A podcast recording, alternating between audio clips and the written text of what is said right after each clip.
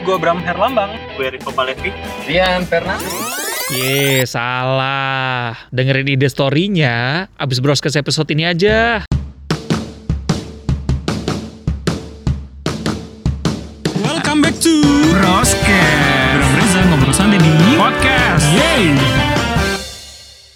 Yeay, balik lagi di Broscast bareng gue Bram Herlambang. Dan saya Reza Helbi.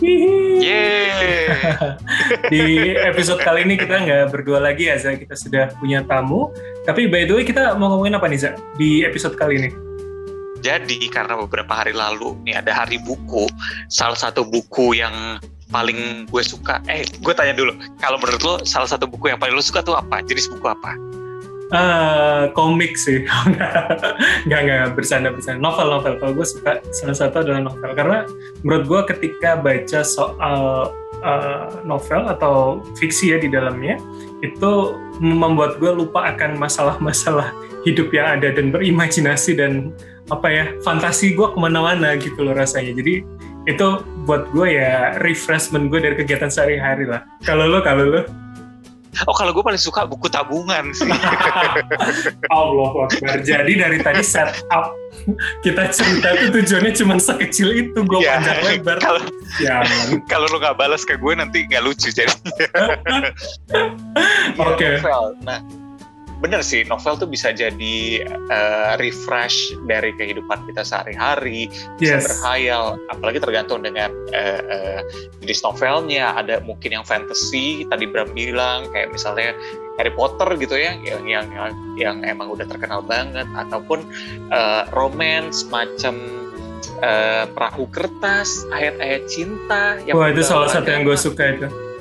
Iya, persahabatan 5 cm mungkin gitu kan banyak banget novel-novel eh, yang memang bagus banget akhirnya dijadikan film gitu. Gimana kalau kita bahas itu aja hari ini ya?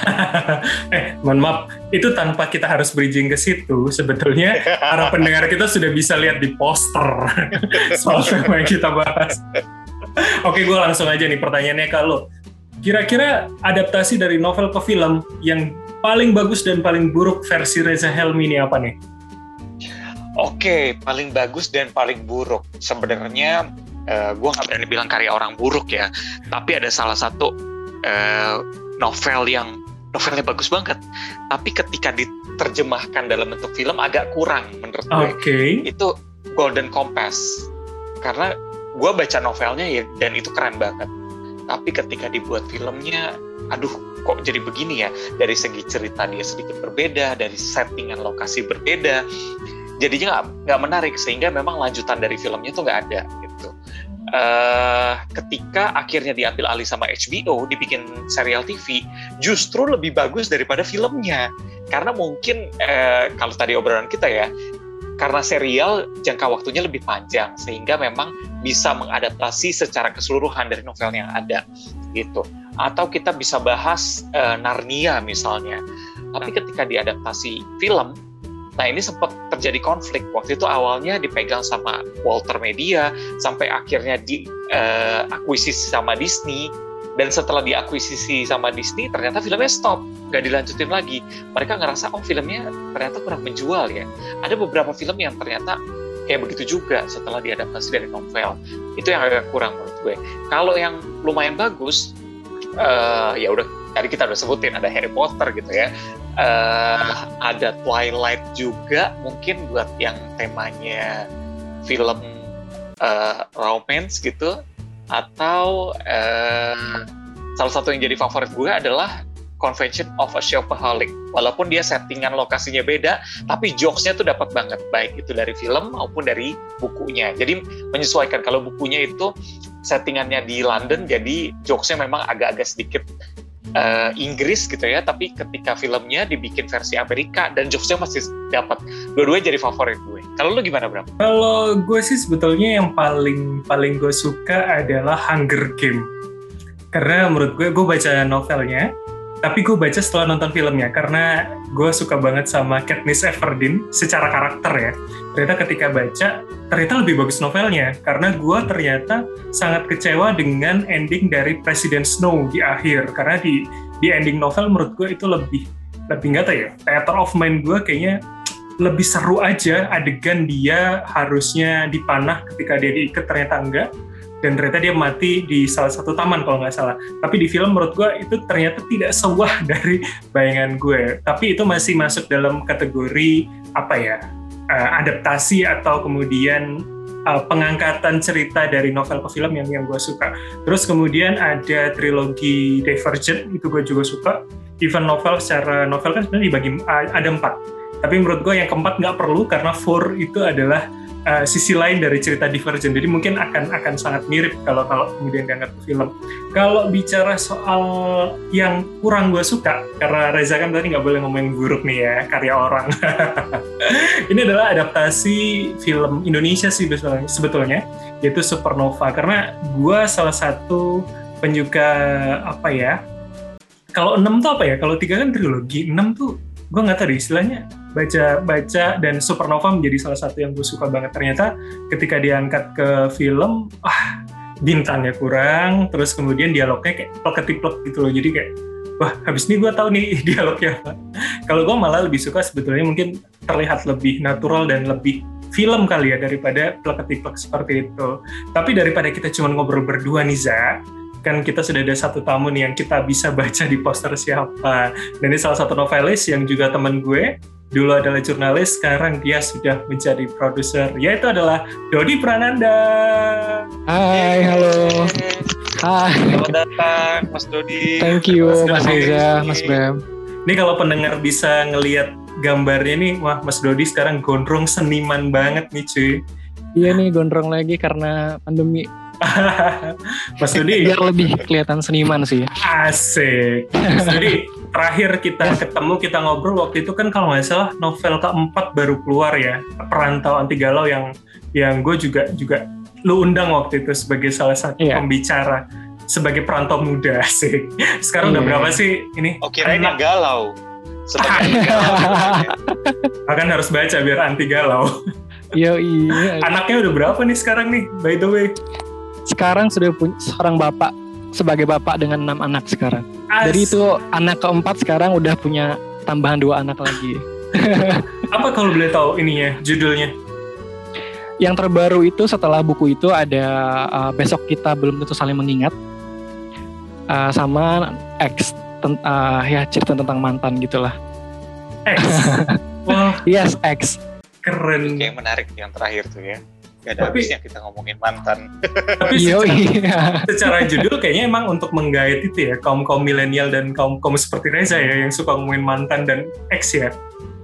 Iya itu persis banget persis pembaca-pembaca seperti Mas Reza tuh yang diincar tuh untuk novel-novel kayak gitu.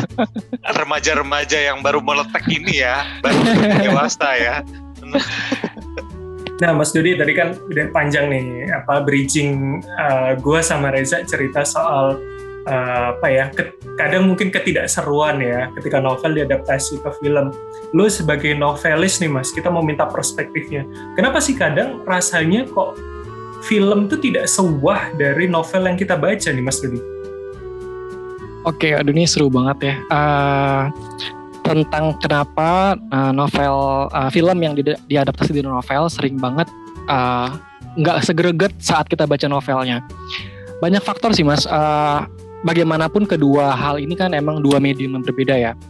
Wahana bercerita juga beda. Satu bercerita lewat medium narasi, satu lagi bercerita lewat medium audiovisual gitu. Nah dari dua media ini aja mungkin uh, treatmentnya pun berbeda pasti kan. Tantangan mengerjakan ini pasti juga berbeda gitu. Tapi yang paling yang sering terjadi adalah faktor yang menurut menurut gue sering bikin filmmakernya atau kreatornya gagal adalah um, sering kali mereka nggak memahami sebenarnya spirit atau ruh yang peng dipengenin novelnya tuh apa sih sebenarnya. Gue nggak kadang nggak ngerti ya apakah dia nggak baca dulu gitu. Uh, ada juga gue ingat banget Mas Hanung pernah melempar statement juga kayak saya nggak perlu harus baca bukunya dulu untuk gue ngerjain bumi manusia gitu. Nah itu itu waktu itu sempat diperdebatkan orang lah gimana mungkin lo mem, me, me, men, apa, menginterpretasikan karya Pramudia Anantatur kalau nggak baca novelnya mungkin itu mungkin kayak debatable ya kenapa Mas Hanung punya pendit pendapat kayak gitu mungkin bagi seorang uh, orang yang bekerja dengan medium audiovisual mungkin dia akan punya interpretasi yang berbeda pula gitu ketika dia harus mengerjakan karya teks itu me, me, mengalih menganakan karya teks itu. Uh, tapi menurut saya bagaimanapun agak sulit kalau sebuah mentransfer energi karya kan kalau kita nggak benar-benar bersentuhan sama teksnya kan kayak feel-nya dapat dari mana? Masa ke, simsalabim kita bisa sampai feel-nya apa yang pengen diperjuangkan sama si penulisnya kan ya kan? Sepakat, sepakat. jadi kalau kalau menurut gue tetap harus baca sih. Bahkan bahkan uh, ada beberapa kreator uh, filmmaker yang gue apa namanya gue kagumi juga ya. Dia nggak hanya ngebaca tapi dia juga kayak menelusuri lah gitu gimana sih novelnya dikerjain gitu. Misalkan kayak dia kan kalau misalkan penulisnya masih hidup syukur-syukur kita masih bisa tanya dia kan bagaimana dengan kalau penulisnya sudah nggak ada terus dia harus nyari ke mana gitu? Banyak orang-orang yang filmmaker baik Indonesia ataupun yang luar ya itu kayak uh, mati-matian untuk bisa kayak me mencari mencari ruhnya itu. Jadi dia harus bisa men, uh, menyampaikan pesan hmm, mungkin nggak nyampe pesan ya tapi juga dia bisa harus menjiwai apa yang pengen di apa yang pengen dikatakan novel ini kepada publik gitu. Dan mungkin dengan kemampuan audiovisualnya dia akan menerjemahkan dengan caranya sendiri. Jadi itu menurut gue yang pertama sih kayak uh, transformasi uh, ketika diinterpretasikan tadi itu kayak tidak semuanya berhasil menerjemahkan sih maunya apa itu. Uh, terus ada juga mungkin faktor-faktor lain ya. Misalkan kayak uh, sering banget uh, kalau buku itu kan kita dealnya hanya dengan diri kita sendiri kan gitu. Penulis dealing dealing dengan diri dia sendiri gitu ketika mengerjakan itu. Sementara kalau kita bikin film dealingnya kan luar biasa ya. Kita harus deal dengan investor kita deal dengan pasar deal dengan uh, penonton film. Karena bagaimanapun dua market ini berbeda nih uh, apa namanya karakternya karakter pembaca novel pasti akan lebih suka yang mendai apa mungkin yang yang sifatnya uh, pacing lambat kah atau yang uh, deskriptif kah yang mungkin untuk menceritakan satu adegan aja itu butuh 20 halaman. Lihat aja novel-novel Indonesia ya. Novel-novel Indonesia itu paling aduh ya Allah mendeskripsikan buka pintu aja itu bisa 50 halaman.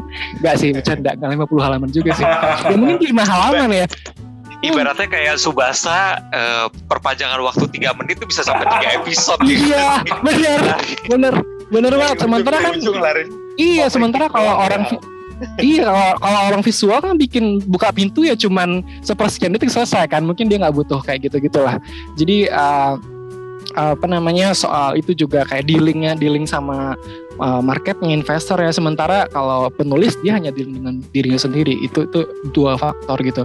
Sama uh, yang gue perhatiin juga ya belakangan ini tuh uh, sering banget ketika sebuah novel hak hak uh, mengalihwahanakannya dibeli sama PH misalkan atau uh, filmmaker gitu. Uh, ada pasal-pasal yang mungkin membuat si penulisnya atau novelisnya nggak bisa terlibat nih. Entah kenapa karena mungkin karena perjanjian di awal gitu.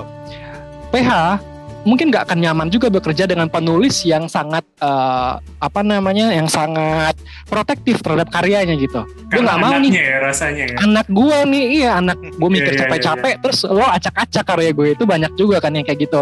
Betul. Ya, bisa dipah bisa di bisa dipahami juga dan bisa dimaklumi juga ya. Maksudnya penulis juga punya hak dong untuk gue harus uh, gimana nih terhadap karya ini apakah gue serahkan sepenuhnya kemudian interpretasinya dibebaskan kepada PH yang mengerjakan tapi ada juga yang mungkin ketemu di tengah ya. Misalkan mungkin penulisnya masih bisa nego. Misalkan kayak misal pemilihan karakter kayaknya di bayangan gue nggak begini deh. Tapi karena alasan pasar kalau PH bilang enggak aktornya ini yang paling laku sekarang. Lah lo mau pilih laku aktornya atau yang paling sesuai sama imajinasi pembaca? Masa pembaca harus harus harus dikalahkan? Pembaca udah udah keburu punya selera sendiri ya membentuk membentuk uh, persepsinya sendiri nih karakternya seperti ini harus begini nih orangnya gitu.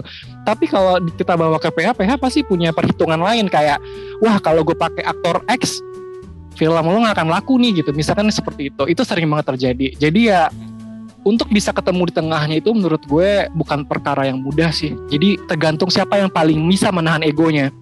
Mau PH yang menahan ego atau penulis yang menahan ego. Kadang gue lihat penulis banyak yang agak mengalah ya. Karena mungkin industri film uh, bagaimanapun modalnya lebih besar dari uh, dari dari dari apa industri gue nggak gue nggak mau juga menginferiorkan uh, industri buku ya karena gue ada di situ tapi uh, gue juga pengen industri buku lo juga para orang-orang yang bekerja di industri buku lo juga punya hak kok untuk uh, menentukan bagaimana karya lo ini gitu ya. Seperti misalkan Mas um, Mas siapa ya misalkan uh, Dilan mungkin yang yang ngerjain Dilan itu dia mungkin sangat sangat ngikutin ya bahkan dia ikut terlibat sampai A sampai Z sampai akhirnya filmnya gitu. Nah, itu kan juga akhirnya kan uh, dia jagain terus gitu kan. Nah, tapi kan ada juga yang misalkan uh, karena bargaining power yang lemah, jadi penulisnya ya harus ikut kontrak bagaimanapun nggak punya suara dalam menentukan pilihan-pilihan atau uh, creative choice ya, pilihan-pilihan kreatif uh, settingnya kah atau pemainnya kah menurut gue tuh kayak cara yang mungkin bisa jadi juga yang sering-sering tergagal juga adalah uh, yang sulit untuk dinegosiasikan adalah kepentingan kepentingan investor ya. Misalkan kayak uh, termasuk juga sponsor. Fi, latar film novel yang dikerjakan latarnya tahun berapa kemudian karena satu dan lain hal hmm. biskuit coklat masuk. Ya coklat masuk. Itu sering banget terjadi. yang belum ada. Yang udah yang Ini udah gue highlight sedikit nih Mas Dodi. Gue potong yeah. sedikit. Berarti mirip dengan uh, The Shining. The Shining yang ditulis sama yes. King ya yeah. dia nggak suka sama hasil karya filmnya. Menurut dia buku gue tuh udah sempurna banget bagus banget. Dan dia nggak ngambil part sama sekali dalam filmnya itu. Sedangkan bagi gue yang nggak baca novelnya gue menikmati banget filmnya sekeren itu Stephen King berkali-kali ngomong lu harus baca novel gue jauh lebih baik dari situ. Nah menurut lu sendiri sebagai novelis ya ketika anak lu dijadikan film lu punya hak gak sih untuk ngomong kayak gitu ah hasil filmnya jelek bagusan karya gue kali. Sedangkan orang-orang kan melihatnya seperti uh, apa ya lu mendapatkan kesempatan atau keuntungan nih karya lu bisa dikenal lebih banyak dengan dijadikan film gitu. Dan Gimana sebetulnya mas? kalau benar gue boleh masuk kan uh, pasti ada tulisan adaptasi artinya kalau kita lihat adaptasi secara arti kata kan memang bukan plek-ketiplek ya harusnya. Pandangan lu gimana Mas Dodi? Yes, uh, menarik. Uh, bagaimanapun uh, film adalah medium yang uh, storytellingnya terbatas. Kita hanya punya waktu satu jam sampai maksimal dua jam untuk bisa meringkas keseluruhan novel. Uh, sementara kebanyakan novel uh, mungkin mungkin saya spesifik ke novel Indonesia ya tidak dikerjakan dengan pola penulisan skrip film. Sehingga ketika dia diadaptasi niscaya itu skrip writernya akan keteteran. Karena untuk mentransformasikan uh, sebuah novel yang yang apalagi kalau tidak ditopang dengan dengan teknik storytellingnya film itu pasti akan dia terpaksa harus uh, menerjemahkan ulang mungkin bisa terpaksa harus memotong uh, inti cerita kadang-kadang. Hmm, gue harus bilang misalkan ayat uh, ayat, ayat cinta ya Habibur Rahman gitu. Misalkan karena keputusan kreatif tertentu ada konflik yang se sebenarnya inti ceritanya bukan itu gitu, tapi malah karena keputusan kreatif produser terpaksa harus ngambil hanya sepat yang mungkin dianggap lebih dramatis gitu. Nah, uh, karena bagaimanapun juga novel uh, Habibur Rahman yang sepanj yang setebal itu, yang hampir setebal Alkit uh, kitab itu itu juga nggak mungkin di difilmkan semuanya. Kalau kalau difilmkan nanti mau berapa mau berapa series kan filmnya gitu. Itu juga mungkin berpengaruh. Uh, nah lantas bagaimana uh, menyela apa problem solvingnya kalau misalkan film terbatas? Uh, sementara tadi Mas Ria juga juga ngebahas kayak kita di posisi-posisi penulis di mana nih ketika filmnya diadaptasi? Kalau menurut gua sih kembali ke karakter penulisnya sih. Ada penulis yang memang uh, seperti seorang anak aja. Kalau anak kita dinikahin sama orang, menurut gue ketika buku difilmkan itu sama kita kayak nikahin anak kita ke orang lain. Keren. Kita mau rela anak kita dinikahin tapi kita nggak peduli gitu kayak dia uh, suami siapa istrinya siapa tinggal di mana kayaknya semua orang tua akan akan sangat peduli sih kayak dia nikahin anaknya ke siapa. Tapi kan kalau anaknya udah nikah nggak boleh mencampuri urusan rumah tangga orang, Pak. um, tergantung oh. karakter orang tua, tergantung oh, iya, orang iya. tuanya tipikal, tipikal yang slow-slow juga kayaknya bebas lah gue percayain lo uh, nikah sama siapa aja asal dia setia dan tanggung jawab dan untung nanti ya. Mertua Bapak balik modal. Bapak balik modal nak karena nyekolahin kamu nggak murah ya nah jadi jadi jadi menurut gue kayak kembali ke karakter penulis kayak kalau penulisnya uh, pengen mengawal, mengawal itu silakan tapi kalau nggak mau mengawal juga nggak apa-apa ya terima hasil aja. Tapi kalau orang-orang ke seperti Stephen Hawking atau uh, nama-nama lain masih banyak ya jadi uh, yang juga sangat uh, protektif terhadap karyanya ya tapi menurut gue again itu nggak bisa dibandingin sih. Jadi agak susah untuk kita membandingkan keberhasilan pencapaian.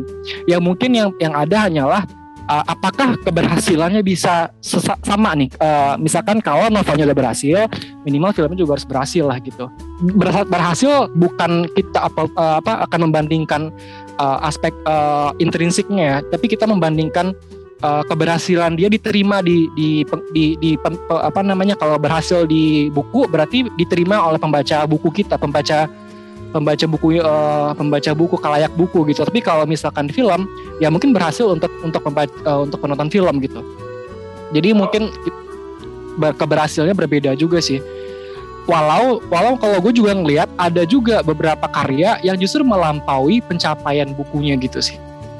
Gitu. Oke.